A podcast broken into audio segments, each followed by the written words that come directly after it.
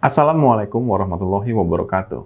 Halo Sobat Lonceng, selamat datang di channel Lonceng Misteri.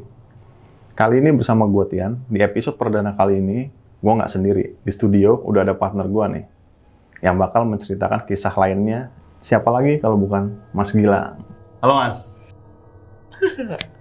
Gimana nih? Halo, di, episode, gimana? di episode perdana ini, gue pengen ngulik satu cerita yang Apa deh?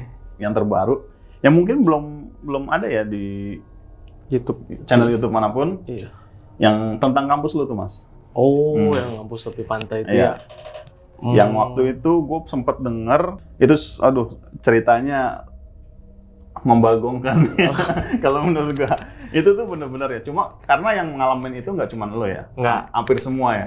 Emang itu cerita tuh jadi kumpulan part-part cerita dari gue dan temen-temen gue yang mereka alamin lah pokoknya. Jadi nggak cuman Hmm. nggak cuman pengalaman gue doang. Jadi pengalaman mereka-mereka gue jadiin satu cerita gitu. Oke oke.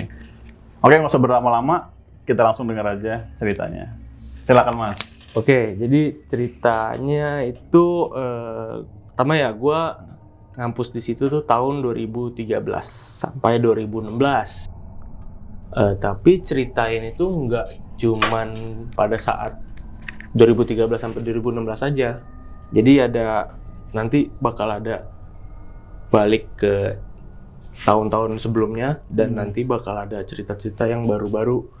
Jadi sekarang-sekarang ini berapa beberapa tahun belakangan ini. Jadi maksudnya belum lama gitu. Dan ini sumbernya emang dari orang-orang yang emang kenal sama gue. Eh, kampus gue ini ada di kawasan industri.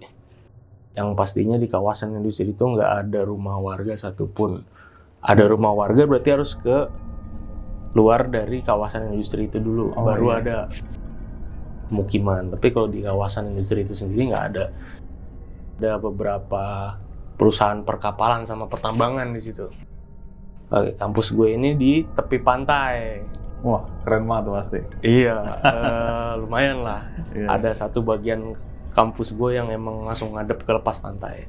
Eh, konon, bukan konon ya, ini menurut penuturan warga sekitar malah ya. Menurut warga-warga sekitar, 25 tahun dari tahun ini, 25 tahun sebelum kampus itu didirikan, itu adalah kawasan, maksudnya eh, pemakaman Cina, warga Tiongkok di sana banyak ya tersebar di seluruh di seluruh penjuru pulau tuh banyak tersebar kuburan-kuburan Cina yang emang ukurannya luas-luas, punya areal yang cukup luas. Jadi areal di kampus gue ini pun 25 tahun yang lalu itu bekas areal pemakaman Cina. Berarti Jadi diratakan, diratakan. Betul. Oh. diratakan. Itu 25 tahun yang lalu ya. Mhm. Dan emang eh, bahkan eh, pemakaman Cina terbesar di Asia Tenggara pun ada di daerah kampus gue ini. Maksudnya Oh. ada di pulau itu, tapi Oh. beda daerah sama Iya, kampus iya. gue. Beda Se-Asia Tenggara. se Asia Tenggara terbesar ya. Mantap. itu.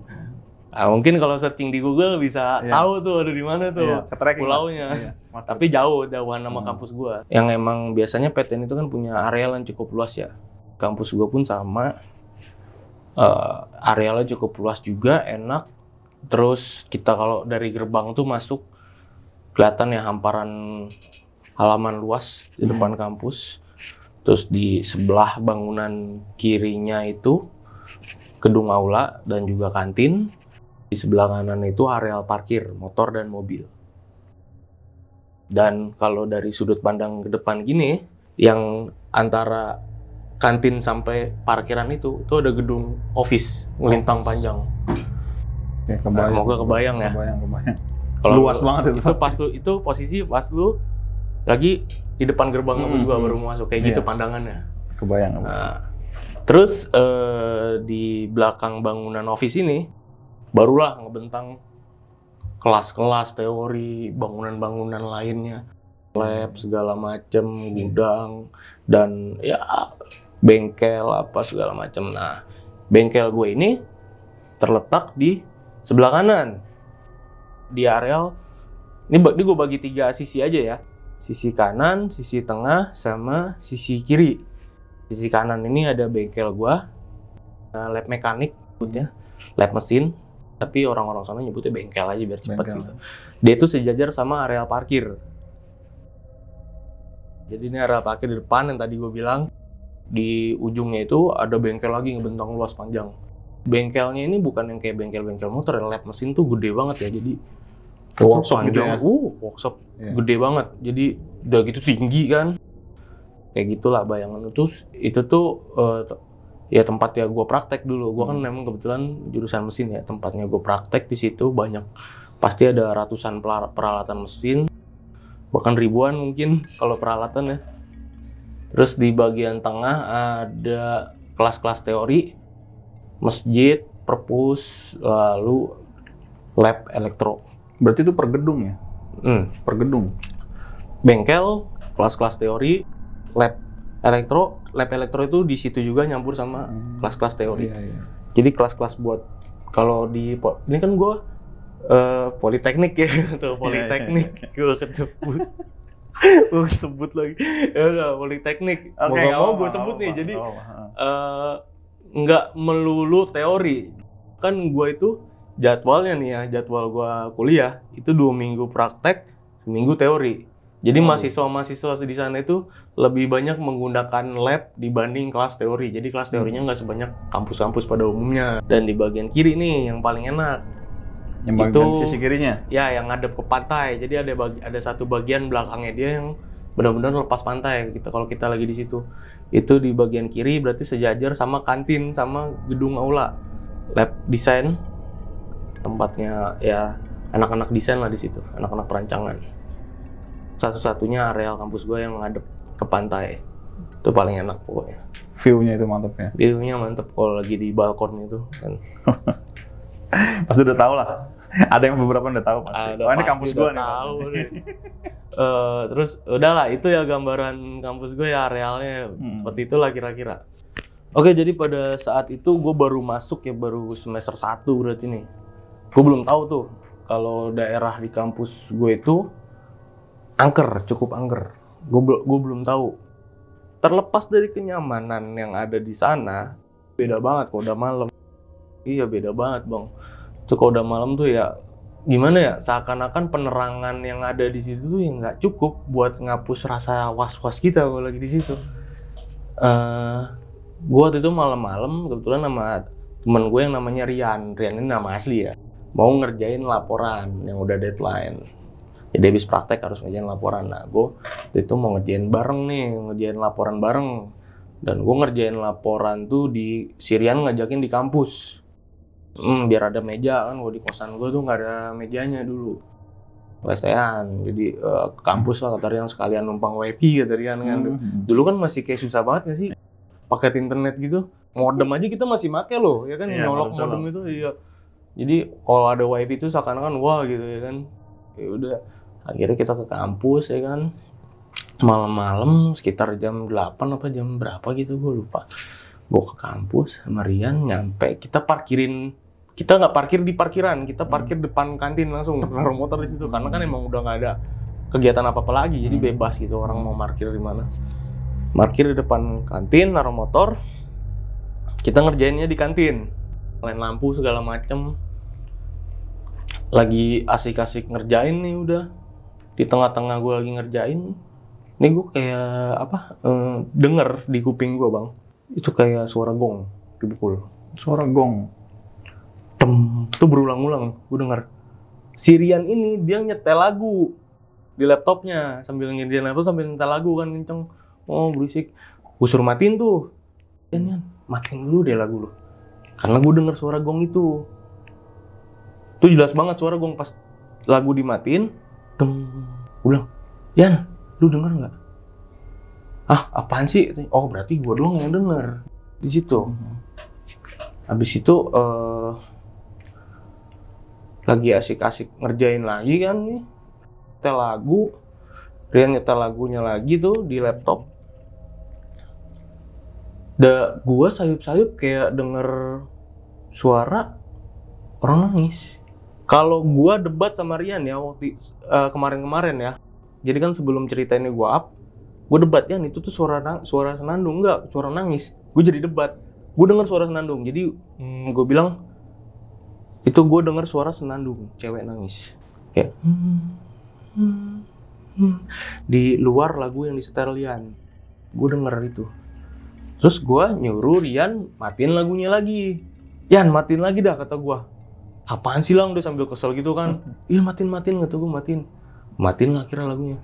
Gue kira yang suara gong itu gue sendirian denger ini bakal gue sendirian denger lagi. Ternyata enggak ternyata Rian denger juga. Dia dengar juga dia. Iya, dia langsung gua sama dia langsung yang kontak mata gitu kan, lihat-lihatan.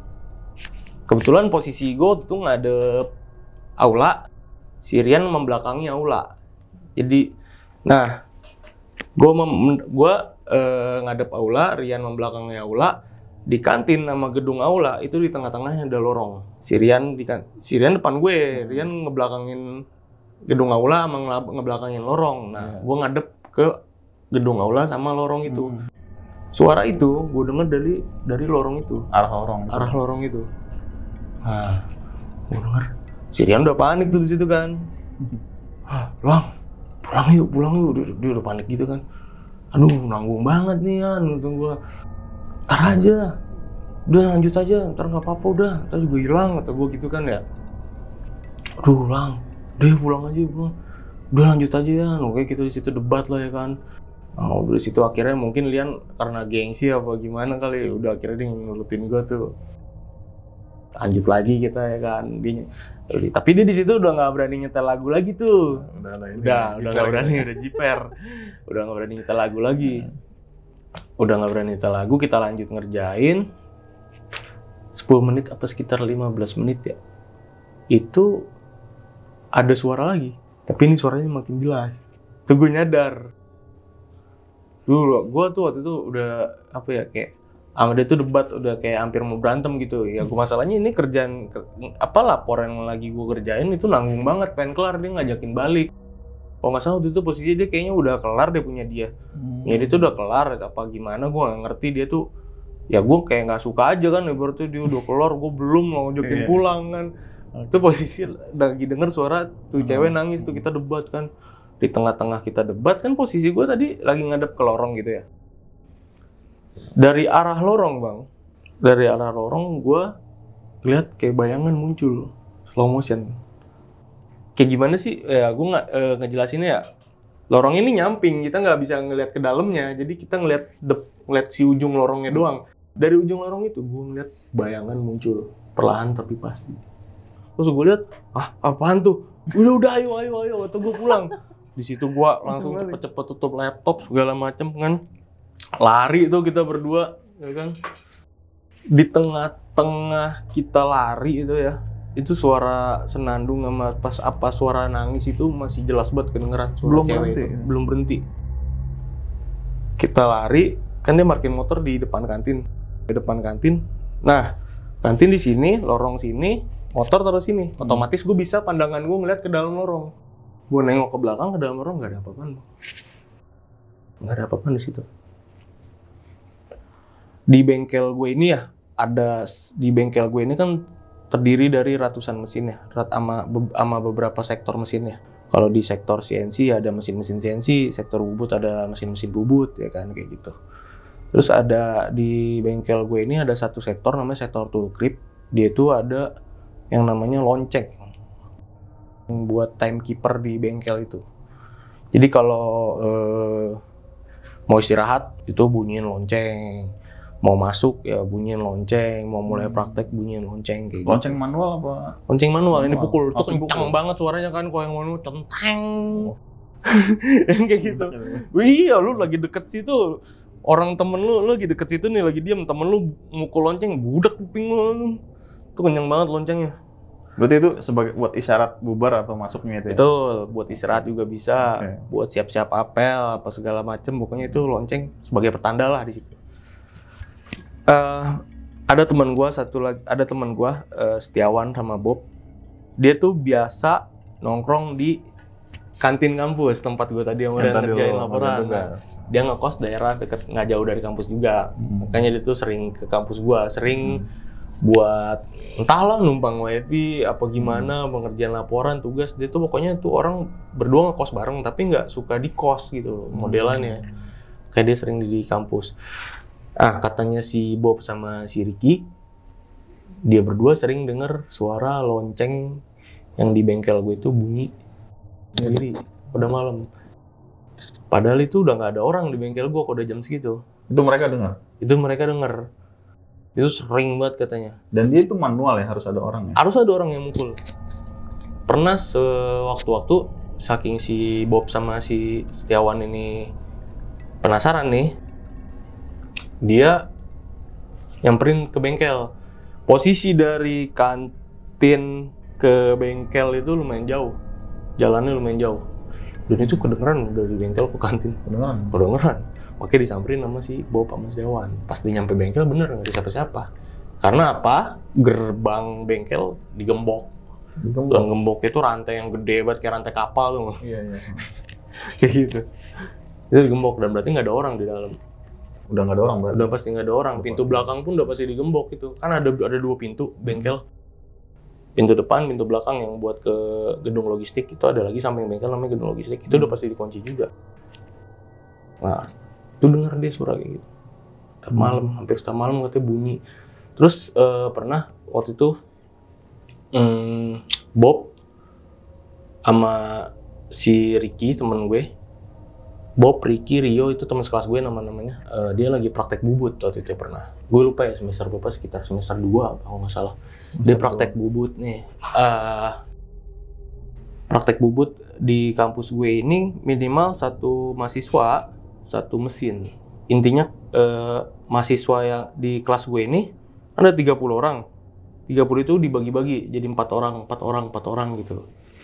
Kelompoknya si Bob, Ricky, sama Rio ini dia nggak kebagian mesin waktu itu karena bentrok sama kelas lainnya jadi kan Oh, nggak gitu. gua kan nggak sekelas doang di situ kan banyak Iya, kelas iya. lain bentrok sama kelas lainnya jadi akhirnya si dosen buat jadwal baru di luar jam matkul itu jadwalnya di malam hari waktu itu Malam. Betul, malam. Jadi sore nyambung malam kalau nggak salah ya. Sore nyambung malam. Jadi eh, kan kita selesai praktek tuh setengah empat ya. Nah jadi setengah empat nyambung ke malam jam 10. Karena jam 10 udah di atas jam 10 itu nggak boleh ada aktivitas di kampus lagi. Oh, Udah habis itu praktek lah ya kan. Dia ditemenin dosen instrukturnya ya kan. Lagi asik-asik praktek. Tiba-tiba si kan di bengkel gue nih ada fingerprint. Ada fingerprint buat absen dosen. Oh, khusus untuk dosen. Khusus untuk dosen, kalau Hmm. mahasiswa nggak pakai fingerprint di bengkel. Iya, iya. Jadi fingerprint ini khusus buat dosen. Hmm. Nah ini tuh ditaruhnya di pintu belakang. Jadi area bubut ini rada ke tengah, rada ke belakang, tapi rada ke tengah gitu loh. Sebelah areal tool crib, yang sebelah si areal yang ada loncengnya ini. Sektor yang ada loncengnya. Nah lonceng yang ada sektor yang ada loncengnya ini itu di tengah-tengah bengkel, sentral banget. Jadi habis sektornya lonceng, baru sektor bubut. Nah di situ ada mesin fingerprint Iya. pintu belakang. Tiba-tiba lagi asik asik bubut ya kan. Bunyi itu. Tit. Kan kenceng kan kalau mesin fingerprint bunyi kalau pencet. Tit. Thank you. Hah, langsung Gila. apa nih? Ya kita positive thinking mungkin error ya. Error. Error. Pada ngeliatin dong. Sama- Kok bunyi semua nih? ya, Semuanya ngeliatin. Notice ya. Gak lama. Cetang. Loncengnya dipukul. Lonceng yang di gedung itu bunyi. loncengnya di bengkel itu suara pukul tang pada nol dari posisi noleh ke arah fingerprint Hmm. langsung geser noleh ke tengah ke arah lonceng pas dilihat itu si lonceng pemukulnya itu si pemukul loncengnya masih ngegantung rapi di samping loncengnya tapi loncengnya udah goyang Goyang bunyi gitu. iya Anjir, bisa gitu. kayak habis dipukul tapi si tapi si pemu- si pemukulnya itu masih ngegantung Iya. rapi Heeh. nggak bergerak si Gila. loncengnya doang gerak Bisa gitu ya. Terus eh, waktu itu di bengkel apalagi oh di bengkel waktu itu pernah waktu ini ada gue juga waktu itu Ada lo. ada gue juga waktu itu ini lagi semester terakhir ya kita lagi TA ya waktu itu lagi tugas akhir ya. kita kan tugas akhir di sana tuh temanya banyak yang rancang bangun mesin Rancang bangun mesin. banyak yang rancang bangun mesin jadi ngebuat mesin dari nol sampai jadi gitu intinya kita tuh ngerjainnya di sektor las gue lagi ngerjain TA waktu itu lagi ngerjain tugas akhir Eh, ini sama ada Bob juga, ada Ricky Hmm. juga, ada Rio juga waktu itu. Oh, rame lah teman-teman sekelas gue sama kelas lainnya. Kita Hmm. ngerjain rame-rame proyek akhirnya itu petugas akhirnya itu di sektor las yang ada di bagian paling ujung bengkel. Jadi FYI nih bang, eh, bengkel gue ini yang tadi gue di awal penyebutin ya bentuknya itu persegi panjang. Ini persegi panjang, gini lah anggap tangan gue Hmm. eh, bengkel eh, gerbangnya di sini. Terus sektor ini paling ujung Paling pojok. paling pojok banget. Terus ya udah kita ngerjain rame-rame waktu itu sampai jam 10 malam ya menandakan udah nggak boleh ada kegiatan lagi di kampus. Dosen yang jaga waktu itu pun nyuruh beres-beres apa segala macam. Udahlah udah capek baju juga udah basah keringet kan apa segala macam. Jalanlah kita dari ujung bengkel mau ke locker. Locker itu posisinya ada di samping gerbang. Paling gerbang masuk. Iya paling mau balik kan kita Hmm. jadi ja- jalan tuh dari ujung ke depan nah di bengkel gue ini di tengahnya itu banyak dari terdiri dari mesin-mesin di sampingnya di samping kirinya sama ngelinteng gini nih di samping letter L gitu itu terdiri dari ruangan-ruangan ada yang isinya mesin juga entah mesin-mesin khusus kan yang ada harus ada pendingin gitu entah ruangan buat briefing entah ruangan buat meeting entah ruangan dosen kayak banyak di situ ruangan di samping-sampingnya lagi. Ruangannya ini posisinya jadi nih kayak gini. Eh, setengahnya tembok, setengahnya di atas atas lagi kaca. Yang biasa kita ngeliat buat ngeliat ke dalam gitu loh. Iya, iya. Dan itu Bening. nggak ada tirainya, iya. Kaca bening dan itu nggak ada tirainya. Hmm. Jadi kita bisa ngeliat ke dalam. Kita lagi jalan tuh mau ke depan. Kita lagi jalan mau ke depan rame-rame, kayak ngobrol-ngobrol kan, tawa-tawa biasa Hmm. kan. Apa ledek-ledekan gimana sih namanya mahasiswa kan. Udah tiba-tiba si Ricky teriak. Astagfirullahaladzim. Kayak mau loncat dia. Lu ngapa kata gua? Ngapa lu ngapa? Teriak gitu udah. Eh pas udah udah keluar dari bengkel kita nanya dong ada apaan ya kan? Penasaran. Ternyata pas lagi Ricky jalan ya sama gue sama yang lain dia tuh udah udah ngeliat di salah satu ruangan. Jadi posisinya dia jalan ke belakang eh jalan ke depan gitu. Dia ngeliat ke sudut kiri gitu ke salah satu ruangan katanya ada kayak sesuatu goyang-goyang gitu di dalam ruangan itu nah habis itu eh semakin dekat kan semakin dekat kita kan jalan nih jadi semakin dekat dong dia udah dia udah notice nih ada sesuatu di salah satu ruangan itu Yang gerak gitu. Iya, dia udah notice. Dan ya makanya dia kenapa dia teriak teriak astagfirullah itu.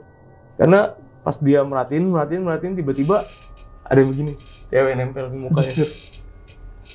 Senyum lebar. Anjir. Di kacanya. Di kaca ditempelin mukanya gini.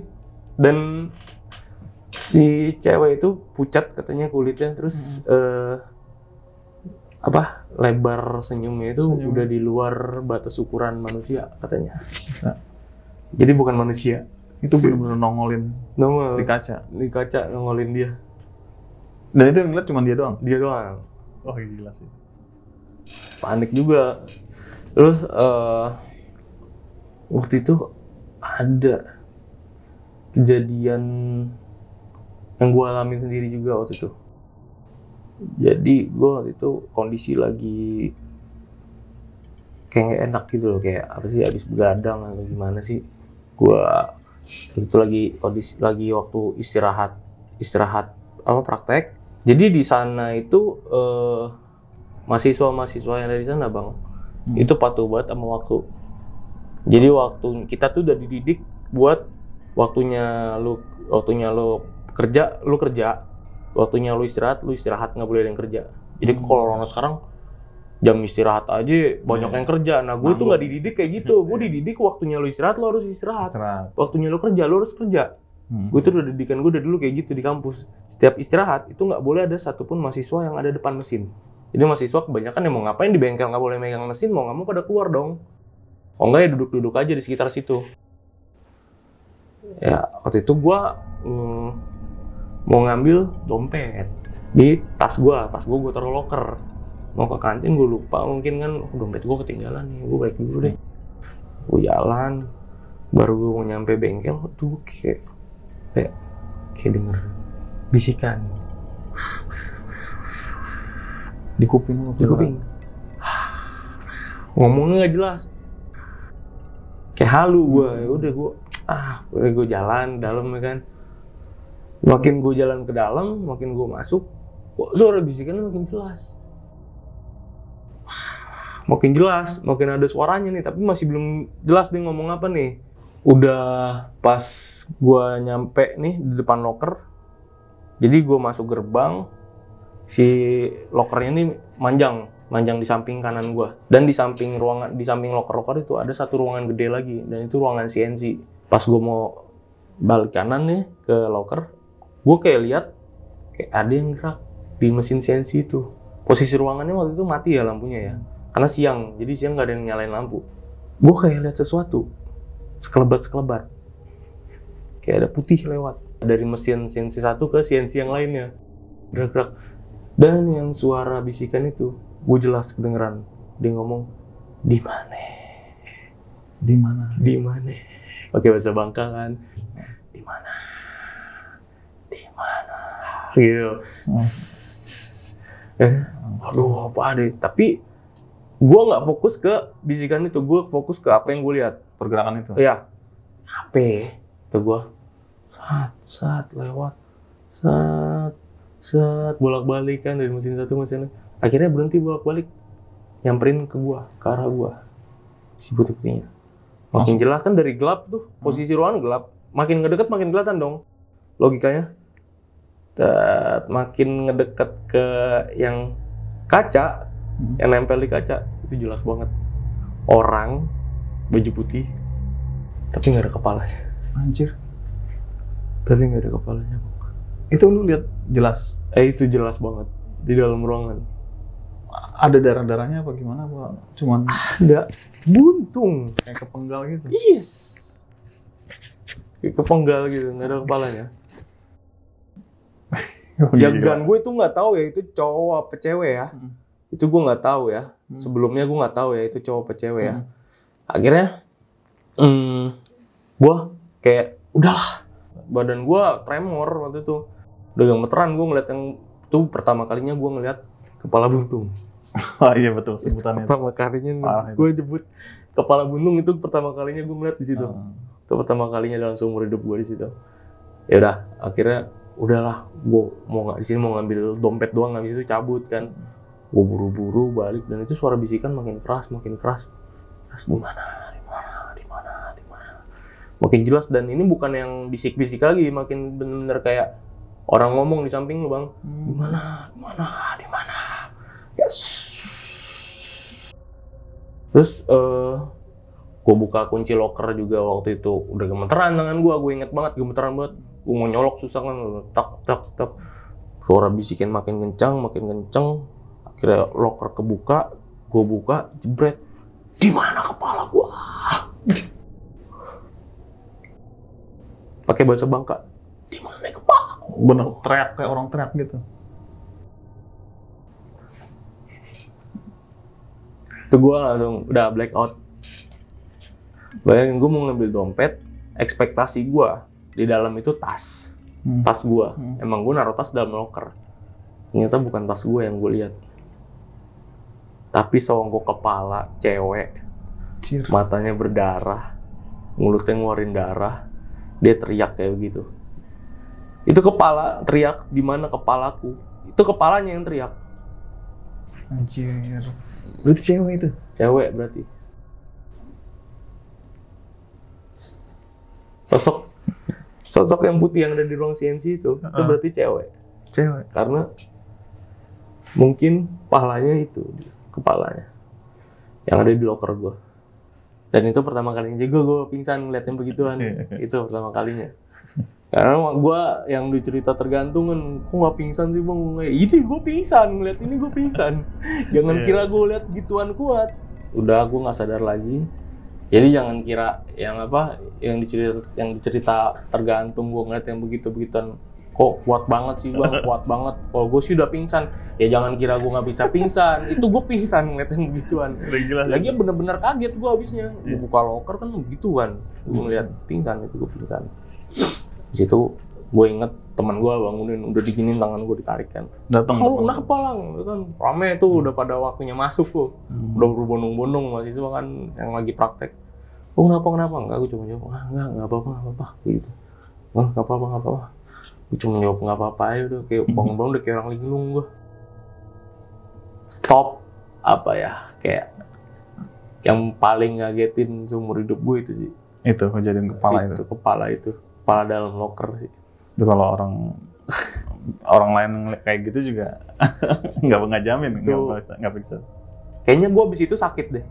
Kayaknya ya, kalau seinget gue dua hari, tiga hari gue sakit langsung demam. Hmm. Habis yang itu. Jadi langsung bener-bener demam apa gimana. Lebih malah lama loh waktu itu gue sakit. Bisa empat hari, lima hari. Sih. Kalau nggak salah ya gue sakit waktu itu. Langsung sakit.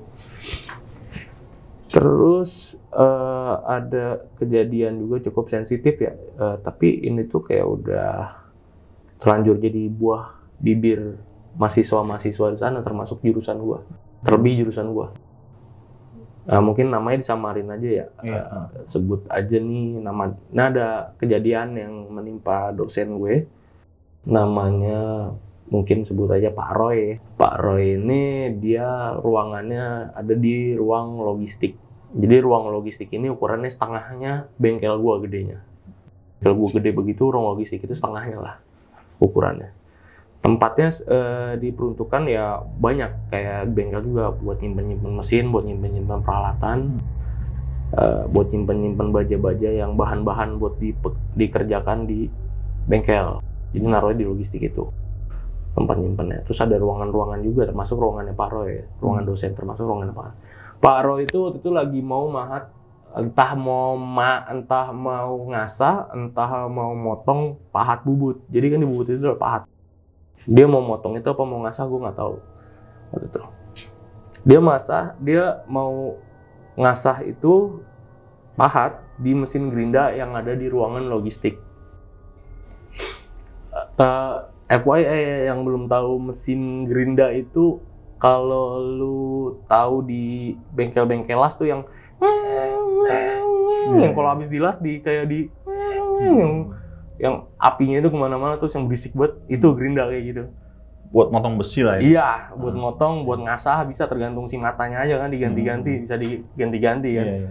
Nah, tapi eh, yang ada di logistik itu gerindanya bukan gerinda tangan yang ada di bengkel las, bukan kayak gerinda tangan yang di- ada di bengkel las, bukan. Gerindanya ini gerinda semi otomatis lah yang dia tuh di dia tuh udah tetap gitu posisinya. Eh, kita nyalain on off-nya ya kan. Jadi si gerindanya itu muter sendiri. Kita tuh tinggal ngala- ngarahin si pahatnya doang tuh ke gerindanya jadi enak. Kita biasanya megang gerindanya juga, megang pahatnya juga. Ini enggak, kita ngarahin pahatnya aja biar buat biasa. Nah, Pak Roy lagi mau kayak gitu, lagi mau mengasah itu, Iya. mengasah pahat bubut itu. Pegang lah tuh kan. Apa ya, megangnya gimana ya? Mungkin seperti biar kebayang nih. Nah, mungkin begini megangnya kira-kira. Pahatnya anggaplah panjang ya. Dia megang beginilah. Teng, teng, Ngasah itu, ngasah.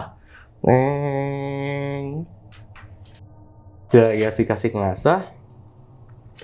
Ada satu staf eh, logistik juga. Sebut aja namanya Pak Pak Kimar lah ya kan? Namanya Pak Kimar udah siapa kita samarkan aja. Hmm, Oke. Pak Kimar lewat. Nah pas ngelihat si Pak Roy lagi ngasah tuh pahat bubut Pak Kimar teriak Astagfirullahaladzim Bapak. Langsung lari ke Pak si ke Pak Roy nyamperin. Narik Pak Roy. Lagi mahat ditarik. iya Pak Roy yang lagi mahat ditarik marah. Loh, ngapain kamu kok narik, narik saya weh? Dia marah begitu sama si Pak Kimar. Astagfirullahaladzim Pak kata si Pak Kimar nih. Astagfirullahaladzim Pak itu lihat tangan Bapak. Pas dilihat tangannya wah udah begini? Itu udah darah semua. Anjir. eh, darah tuh udah muncrat-muncrat ke ke mesin ke mana ke ya udah pasti di mesin gerindanya itu udah darah semua ya. Dan itu udah muncrat-muncrat ke mana-mana ke tembok ke mana. Dan dua jarinya hilang di situ. Abis. habis Gila. Dia nggak ngerasa apa gimana?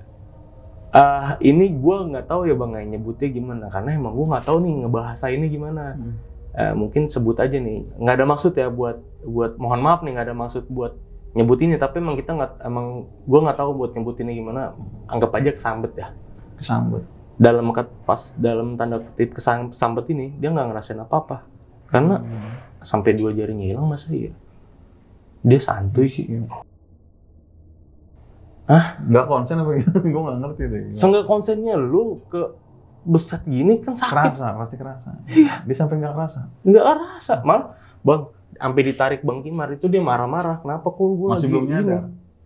iya kenapa kok gue lagi asik-asik gini lu narik gua ibaratnya gitu dan apa yang dilihat sama dan apa yang dilihat dan dirasakan Pak Roy pada saat dalam tanda kutip kesambet ini itu nggak ada yang tahu sampai sekarang mahasiswa Nggak ada yang tahu. nggak ada tahu yang di yang dilihat yang di yang dia lihat itu apa yang dia rasakan itu apa nggak ada yang tahu ya udah eh, emang bener pas waktu ngajar di kelas gue pun ya emang jarinya nggak ada Masih ngajar. masih masih ngajar santuy Santuy. eh Gila. jarinya nggak ada beneran ada cerita di balik itu ternyata Ada oh lagi. ini ceritanya enggak yang itu parah Oh. Kan pertama pertama gue Oh. telah tahu gue tuh posisinya lu- telah lu tahu perhatiin gitu ya. oh ternyata ada cerita di balik Oh, itu maksudnya ternyata. itu ceritanya yang baru aja gue ceritain Iya. Eh, jangan pak sorry pak pak Oke. maafin Lanjut. aku pak tapi tapi anak-anak udah pada tahu pak Ya udah semua tahu. gimana dong Bukan pak rahasia lagi udah. iya aku aja diceritain pak maaf ya Oke. tapi Pak Roy strong Mantap. salut mantap Pak Roy orang yang strong terus eh, mungkin nggak adil kali ya kalau di bengkel mulu ya dari tadi ya Iya, iya. iya. Soalnya ada cerita gue dapet oh masih ada di bengkel masih ada Masih ada tuh. masih ada nih dari temen gue juga ya Rian yang tadi Rian. pertama di awal cerita sama gue Yang ngerjain tugas bareng sama lo. hmm betul dia tuh eh ini Pak Brans saya nyeritain ke gue waktu itu Oh, Pak Brans. kebetulan Pak Brans lagi main ke sini gue Hmm. nyamperin dia kan. Pak Brans ini nama samaran lah ya Iya, oke. Pak Brans ini modelnya dia dosen-dosen muda gaul gitu lah yang dekat sama mahasiswa Hmm. di sana. Nah dia ini alumni sana juga. Pak Brans sama Rian nih deket lah mereka berdua ini. Nah, waktu itu Pak Brans cerita katanya eh, Rian sebelum besoknya sidang itu malamnya dia minta tolong ke Pak Brans nih, Rian minta tolong ke Pak Brans buat Hmm. ngeprint suatu dokumen. Nah, dia mau minta tolong sama Pak Brans ngeprint di ruangan kerjanya Pak Brans karena ada printer di ruangan kerjanya Pak Oh, oke, Brans. Di sana itu kan daerah ya, bukan kayak di sini. Mungkin nyari warnet apa nyari warnet yang ada print itu kan susah kan, nggak kayak Hmm. di sini, nggak kayak di Jakarta, nggak kayak di Hmm. kota-kota gede kan. Di sana tuh susah. Akhirnya ya udah mau nggak mau ngeprint di ruang kerjanya Pak Brans. Hmm. Pak Brans ini staf pengajar kan di sana tadi gue disebut. Dia terus eh, yang jadi masalah ruang kerjanya Pak Brans ini bang, dia ada di ujung bengkel dekat Ujung sektor bengkel. las yang, Yang tadi? Ya, sektor las sebelumnya itu ada ruang-ruang dosen kan dipikirin. Nah, ruangannya Pak Brans Hmm. paling ujung dekat sektor las. Masalahnya di situ. Dan Akhirnya dia ngeprint di situ. ya akhirnya Mantap. berangkatlah mereka ke kampus Ah. jam jam 11 ya akhirnya 11 mereka -an. berangkat lah ke kampus ya kan jam segitu habis minjem kunci gembok bengkel kan sama ada sapam ya kan masuk tuh mereka ke bengkel katanya si Pak Brans eh, aura di bengkel tuh apa hawanya tuh udah beda. Pas masuk ke bengkel tuh kayak wah kayak masuk ke dunia lain nih. Ya wajar dong kayak cuman lu doang gitu dua manusia yang ada di situ pada jam segitu. Iya. manusia lain nggak ada yang di situ. Ya udah akhirnya mereka masuk kan ting ting ting, ting jalan ke ruangannya. Ngeprint lah Rian ya kan mulai Rian udah Hmm. mulai ngeprint Eh, di tengah-tengah Rian ngeprint ya Pak Brans ngedumel lah kan. Eh, ya cepet lama banget. Kok nggak selesai ngeprintnya? Ternyata dokumen yang di print Rian ini banyak. Banyak banget. Ya, sabar pak sabar. Bentar lagi nih kelar gitulah ya kan debat-debat kecil gitu. Terus di tengah-tengah itu eh, lagi debat-debat biasa habis Pak Brans ngomong gitu pintu awalnya pintunya pintu ruangan ini kan mereka ada di dalam ruangan ya pintunya ini ketutup tiba-tiba eh, kebuka Sendirinya? ke kayak didobrak orang Bret, Kenceng. kenceng Gila. Terus? mereka berdua kaget Itu ketutup posisinya tadinya? tadi ketutup mereka di dalam kan tutup pintu Hmm. pintu ketutup tiba-tiba dah kebuka celedak ke dalam Gila. kayak didobrak dari luar Hmm. Pak Bram Yan Yan ah tuh Yan. Yan ayo Yan Tuan besok aja lanjut yuk. Besok aja lanjut lagi. Nggak bisa apa nggak bisa. Besok nggak bisa lanjut. Besok gue udah sidang kata Rian yang gitu ya. Tunggu pak. Bapak jangan takut. Kalau bapak takut gue juga jadi takut kata Rian gitu kan. Bilang sama Pak Bran. Ya udah tuh Pak Bran diem kan. Abis mereka ngomong gitu eh, nggak lama ada yang lewat bang. Dari arah sektor las ke depan ada yang lewat cewek pakai baju putih Perempuan?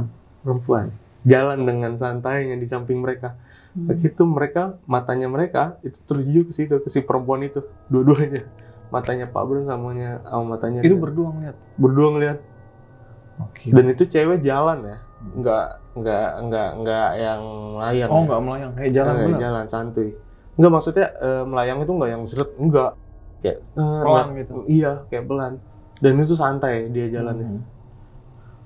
Iya. Cewek mana jam di atas jam 11 setengah 12 di bengkel malam-malam dari arah sektor las. Nggak ada dosen perempuan juga? Nggak ada juga di bengkel.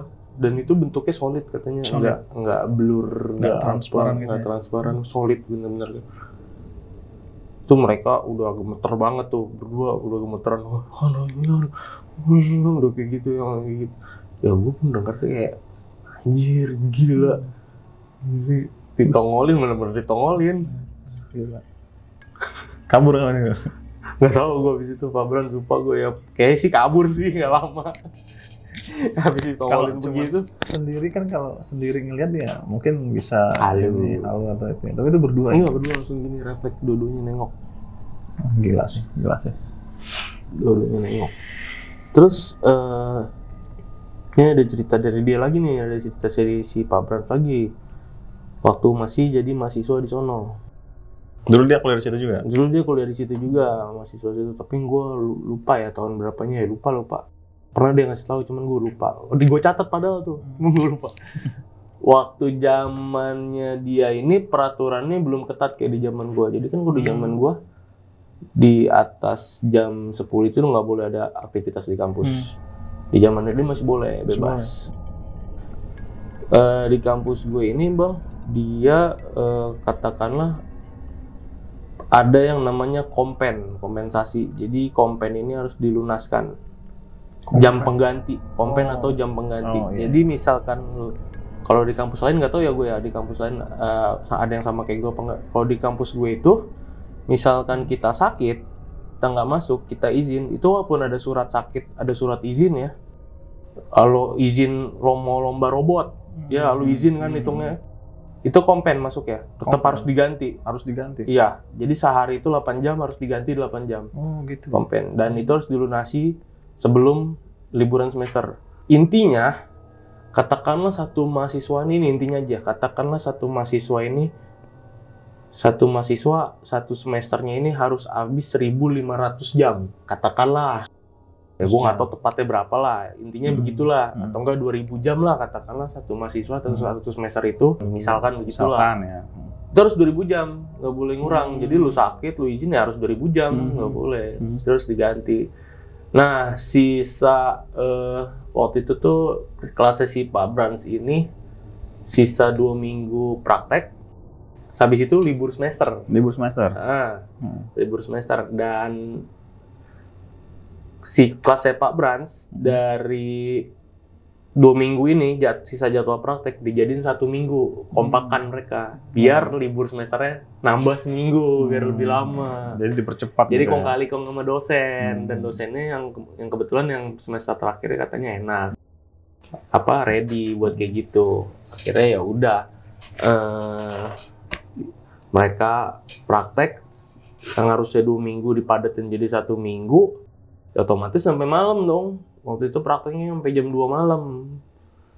Akhirnya ya ya udah tuh. Waktu itu lagi praktek desain kebetulan. Kelasnya Pak Brans ini kebagian praktek desain yang malamnya. Desain. Hmm, malam beliau dari eh dari sore beliau praktek itu udah mulai jam-jam satu ya. Situ dosen udah pulang katanya.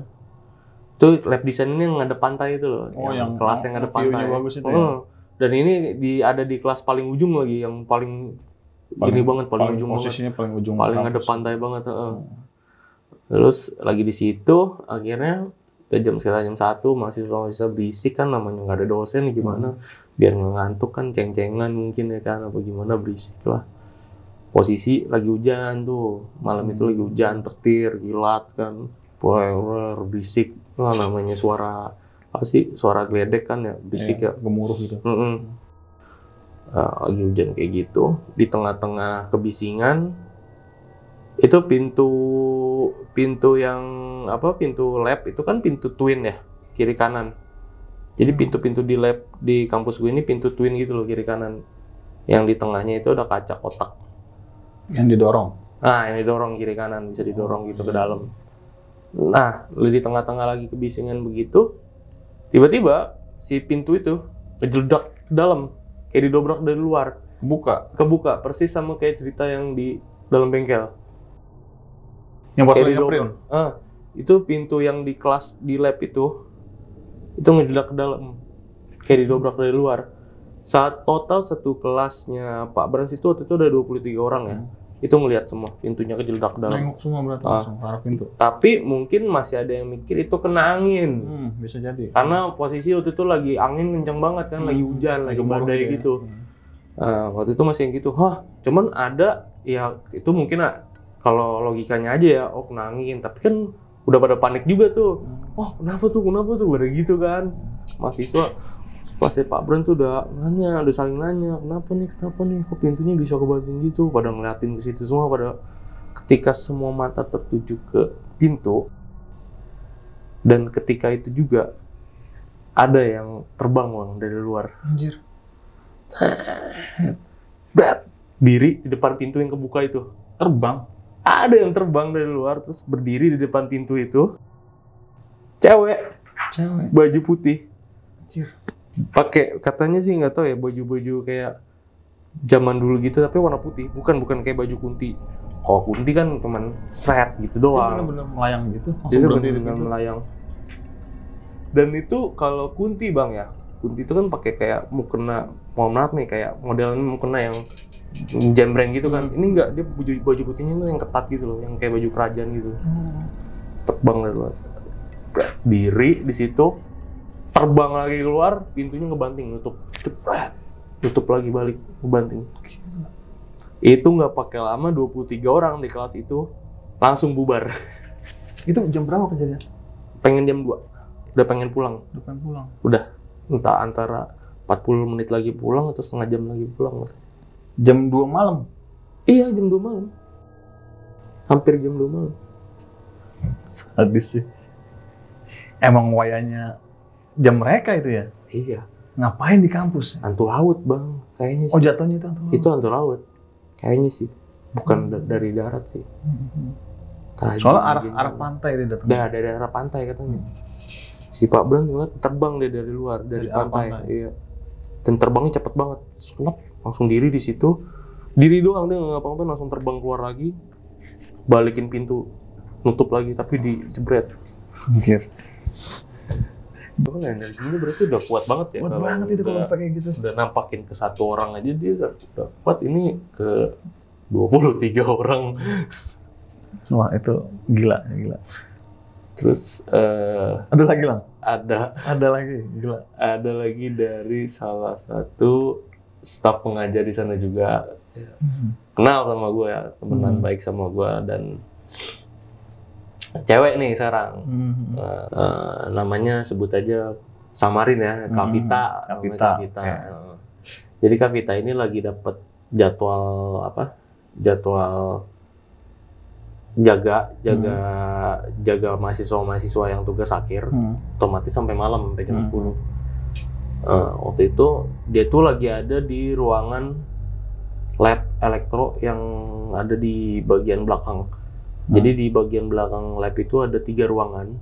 Itu ruangan pneumatik, ruangan ILP, gua lupa kepanjangan nama, sama ruangan STL Still. hmm, namanya. Waktu itu yang jaga-jaga itu kebagian jadwal jaga itu Kavita sama dua orang lagi teman dosennya cowok. Akhirnya mahasiswa-mahasiswa udah bubar jam 10. Yaudah Kavita waktu itu ada di ruangan pneumatik. Ruangan pertama nih. Jadi masih ada dua ruangan lagi di belakangnya. Kavita beres-beres, ya kan, ruangan pneumatik. Habis ngunci pintu tralisnya, jadi setiap pintu itu di di ruang elektro, habis pintu ada pintu tralis lagi. Oh, dua. Ah, ada dua double. Jadi yang besi kayak di penjara gitu. Iya, iya. Ya, habis ngunci tralis, ngunci pintu, udah kan. Dia mau jalan dong ke ruang STL karena yang dua dosen lainnya ini temennya ada di ruang STL. Hmm, dia mau jalan nyamperin kedua temen dosennya itu. Ah, Akhirnya si Kavita jalan kan, dia harus ngelewatin ruang ILP dulu, baru nyampe ruang STL. Karena tiga ruangan itu terhubung di koridor satu kan, dia jalan di koridor tuh. Terus dia jalan, eh kan pintu-pintu di lab, pintu-pintu di lab ini tuh pintu twin ya, Twin ya kebuka Nah, yang dua gitu. kebuka. Terus ada kaca kan di, di Di tengah-tengahnya. di enggak di, di pokoknya di di salah sa- di ininya di kiri dan kanan pintunya itu udah kaca yang bisa ngeliat ke dalam. Hmm. Akhirnya pas lagi si Kak Vita ngelewatin ruang LP, persis lagi di depan pintu ruang LP itu ada yang gebrak pintu dari dalam. Digebrak- Digebrak lagi. Iya, Dari posisi dalam. dari posisi dalam dan di ruangan itu tuh kosong kan ada dosen cuma tiga Kavita di ruang pneumatik dan dua dosen lagi di ruang STL jadi ruang NLP itu udah kosong emang nggak ada emang nggak dipakai. Refleks dia nengok ke kiri dong. Dan itu udah ada tangan nyaplak gini. Bekas tangannya. ada tangannya bukan bekas tangan Tangannya langsung. tangannya langsung nyaplak. Badannya? Nggak ada. nggak ada dia ngeliat dua tangan gini dong di kan kaca ada dua kiri kanan. Terus tangan udah kiri kanan begini. Dan anehnya itu kan pintu lapisannya tralis ya. Tangannya seakan-akan nembus si tralis itu nutupin si tralisnya Langsung ke kaca berarti. langsung ke kaca nempel jadi tembus ke- tembus tralis Itu benar-benar ngeliat itu. iya dan dia langsung lari panik dalam ruang STL langsung cerita sama dosen lainnya lagi Parah, parah. Dan, dan gimana reaksi reaksi dosen lain gimana? ah Reaksi dosen yang lain gimana? ya di sana udah biasa kayak gitu Biasa, Bang. ya. Terus pernah dia lagi siang-siang nih kata dia nih. Dia siang-siang lagi lagi jadwalnya ngajar biasa, lagi siang-siang cuman waktu itu lagi Jumatan ya. Yang kan emang mayoritas sana kan dosen pun banyak kan cowok, mahasiswa pun banyak kan cowok kan. Eh, lagi Jumatan istirahat Jumatan siang udah sepi nih. Eh, si kebetulan eh, Kak Vita ini sendirian di ruangan itu, di ruangan pneumatik hidrolik itu sendirian. Jadi di, di dalam lab pneumatik hidrolik itu ada ruang sekat lagi gitu loh bang. Ada ruang sekat buat buat ruang dosen disekat pakai. Oh, Ada ruang iya, sekatnya iya. lagi gitu di dalam. khusus untuk dosen gitu ya? Dosen. Jadi ada ruangan dalam ruangan gitu. Akhirnya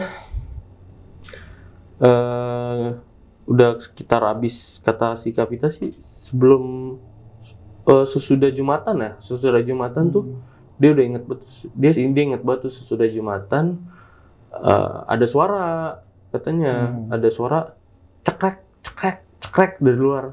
Dari Krek, pintu? krek krek. Dari luar dari arah mesin dari Arah arah, mesin. pneumatik. Hmm. dari arah alat pneumatik. Dia lagi dalam dosen. Dia pikir itu mahasiswa. Dia pikir itu mahasiswa. Terus cekrek cekrek bunyi lagi. Dia teriak dong dari dalam ruangan dosen. Woi jangan ibaratnya jangan iseng katanya. Jangan nakut nakutin kata si Kavita kan. Intinya gitulah Kavita ngomong.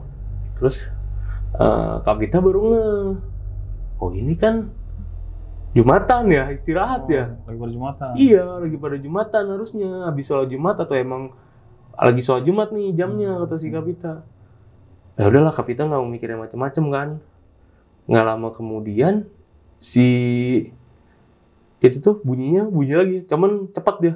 Cekrek, cekrek, cekrek, cekrek, cekrek. Tadi kan cuma cekrek, cekrek sekali-kali. Ini bunyinya cekrek, cekrek, cekrek. Disamperin dong sama Kavita. Kavita mau tahu nih ada suara apa itu. Suaranya nggak tahu mahasiswa nggak tahu Iya, suara apa. suara apa? Akhirnya pas disamperin sama si Kavita, Tau nggak? Eh, jadi ini mesin hidrolik, eh, mesin hidrolik begini ya. Eh mesin mesin pneumatik begini nih, meja pneumatik. Di sininya tuh ada rak rak berjajar dan itu tuh rak yang yang yang nggak ada stopper ya loh bang. Jadi kalau ditarik dia nutup otomatis. Hmm. Tahu kan lo misalnya tarik kita nggak perlu ngedorong, Iya, jadi iya. tinggal lepas nutup otomatis. Iya. Kavita pas ngelihat ke lorong itu, itu si raknya udah begini. Jebret, jebret, jebret, jebret, jebret, jebret. Udah kebuka ketutup sendiri. Kayak dimainin. Jadi kayak digini-giniin, trak, trak, trak. Itu nggak mungkin kena angin kan? Nggak mungkin dong lerak di... Agak kuat itu ya. Lah iya, nariknya aja kita harus kuat kan, harus pakai Dan tenaga. kalau dilepas pun baliknya pelan ya. Balik cepat, Balik cepat. langsung jebret gitu. Jebret. Oh, Kalau dilepas. Nah makanya itu langsung pas Kavita lihat, si raknya udah begitu. Keluar masuk, keluar masuk. Cekrek, cekrek, cekrek, cekrek. Lari dong dia langsung. Panik. Gila. Banyak sih sebenarnya banyak sih. Mungkin nanti kita lanjut lagi kali ya. Sekarang cukup sampai sini kan Cukup udah tuh. Bengkel udah.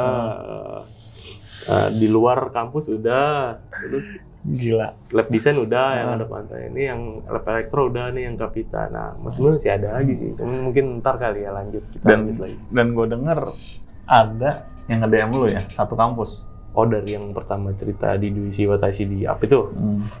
Ada, Ada. ada. Dia pernah di situ juga, ada ngerasain Dia pernah di juga. situ. Kayaknya mesti kita undang nih, wajib.